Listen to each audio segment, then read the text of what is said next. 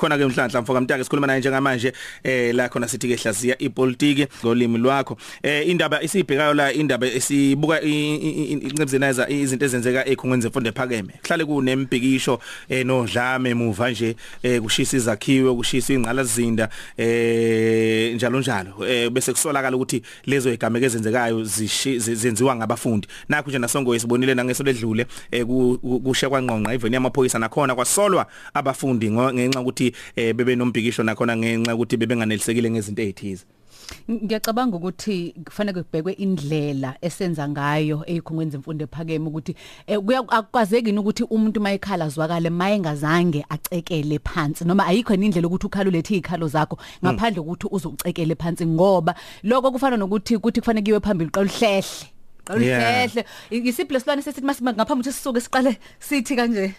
Bese kuyikhanisa phambili. Yeyibona indaba. So ke ngempela kuthanda ukuthi kube inkingana. Kodwa ke umfoko noMajalimane la uyibheke ngeso ke elijulile uma ngabe eyibheka njengoba eyingoti kwezepolitiki wabukisisa ukuthi ubuholi ngathi eh buyashoda kusukela eh kubaphathi benyuvesi kuya kubafundi. Eh mngoni siyakubingelela sakwamukela khona FM. Abendlovu enamandla eh nasezansi siyabingelela mnatho. Sesiyandlalile emntaka eh sayibeka ukuthi nazi izimo zimapeketwane ekhungweni zemfundo ephakeme. Wathi uma usuyibheka wena wabona ukuthi cha eh ingathi ubuholi eh ba wonke amazinga nje emanyuvesi nasekhungweni zemfundo ephakeme buthanda ukuthi bube ntekenteke. Umbono wami loyo izathu zimbili intathu zalokho. Mhm. Oqala asiqale simkhiphe uhulumeni kulolu daba. Simkhipha ngani na? Ngoba uhulumeni egameni lethu bakhokha intela nabantu baseNingizimu Afrika usekhiphe itshe lemali wathi akube nemfundo ayibiza ukuthi imfundo yamahhala. Singaphikisana ukuthi ingane noma yiningi kodwa iqiniso lithi uhulumeni lo okhona egameni lethu useyibekile imali etafuleni. Simsola khona singamsola ngasekugcineni ukuthi uyayelusa yini le mali. Ngizongena ke lokho kodwa nje asimkhiphe kulo kulolu daba. Mhm. Abantu abangenayo abili ngokwani okokuqala ilaba ekuthiwa ngabaphathi beyikhulu yabona labenikeni babize okhosini bazophawula kuthiwa bangoprofessor bathi umengameli uyahluleka ukuphatha abantu abayidide ezingamashumi amahlanu kodwa bona bahluleka ukuphatha iy'tudeni eziyizinkulungwane ey'ntathu. Laba baholi abakwazi ukukhuluma nezitudeni akekho ngazi ukuthi kunenyanga ezithizo nyakeni la khona abafundi bazosebenzisa ilungelo labo lokufuna ukukhuluma indaba ezithinta imali mhm nezidingo zabo umbuzo uthi labo professor abazi kangaka bahlulwa yini banenhlelo zokuhlangabezana nalokho ungakafiki nokufika. Isibonelo awekho bengazi kubona ukuthi eh ngomasingana nenhlolanja abafundi bazokwenza imbhekisho ibelulu uphuhlelo lokulungisa lokho. Akekho babuzayo ngoba eh o professor ngizama ukuthi indaba ilabaphathi bamanyuvesi nabo eyabahambe bekhuluma ukuthi uhulumeni wenza kabi nabo bahlulwa ukukhuluma nje. Ngcono uhulumeni ke enze kabi kodwa akasazi nje basu 50 million. Bona uhlulwa abantu abazi ngamagama of 2000 3000 mhm uqala lokho. Besibili abaholi babafundi. Nabo ngokufanayo basuke bazi ukuthi kunenyanga ezithize enyakeni la kufuneke khona ulungisa izimo ezithize umbuzo basuke bekulungele lokho. Okwesibili njengoba ke thina ke uhulumeni egameni lethu esebeka itshe lemali wathi nansi imfundo yamahhala ikuphi abafundi baseNingizimu Afrika abafunda mahala abakubeka etafuleni abathi thina njengomnikelo wethu uma sesifundile isibonelo uma uthathe sefundile waqeda uzothatha amaphesenti ayishumi mhlambe lomholo wakho aphinda aphindisele phela kulesa sikhwama noma adayisa amahora athize mawuthisha mawumhlengikazi mawudokotela adayisele uhulumeni ukuthi mina umnikelo wami ngamafuphi. Siyafisa phela ukubona nakubafundi ukuthi bayasihlonipha thina bakhokhi bentela ngokuthi nathi basubuyisele eh lokho sibanike bona. Kodwa kakhulukazi baqinisekise ukuthi odadewabo nabafowabo abazobe beqhamuka eminyakeni emihlanu bazabo bazofika umgodla usekhona ngoba uma kungekho kanjalo iqiniso lo hulumeni ngeke abe nemali ngonyaka ozayo uma ngabe kunjalo.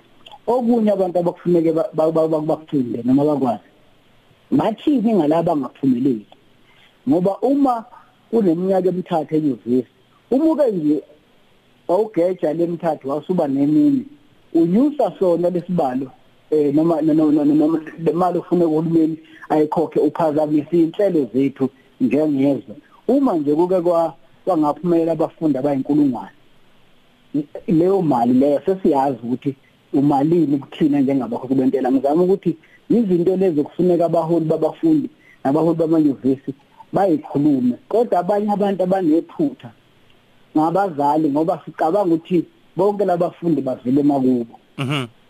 Uma nje ubuhleli nje ulalele kusho isikole lakho lithumela ingane na noma ingane ibuya eh kade ihambile yathi esikoleni siyabuya uthini wena? Sebetheni labazali abagcwele umhlaba wonke abafundisela ingane mahala kufuneki phela yonke into lesimkhiphi bolumeni wena nje ubuhleli nje fundisela ingane yakho mahala. Kusho isikole awukasho lutho. Awukabiza ingane yakho awukabuza ithisha ukuthi kwenze njani. Le ingangathi ingangathi njengomphakathi ingangathi njengabaholi babafundi engangathi njengabaholi beyikhungo ngoba iqiniso lithi le mali ekwathiwa ibe khona ngeke ibe khona eminyakeni emibili emithathu kuyamanje.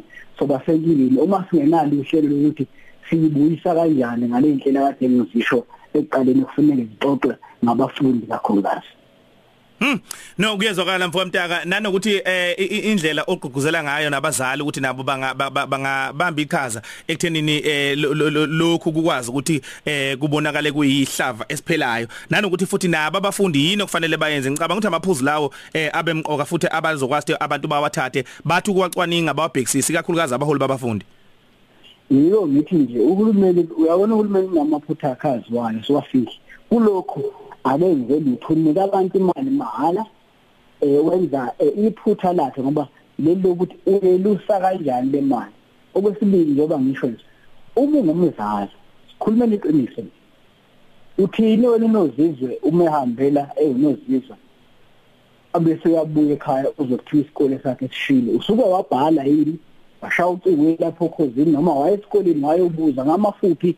Uma ngempela sihlonipha thina bohlanga ake kuthi ngesonto elizayo singabazali nje noma singabafuwa wona odade balabafundi ke siye ikhungweni sithi ake kubona umhlangano umuntu ahambe nalo wakubo kuyobuza ukuthi ayebe sesizuleke ukuthi nithi imali ayiphelele bengifuna imali mina?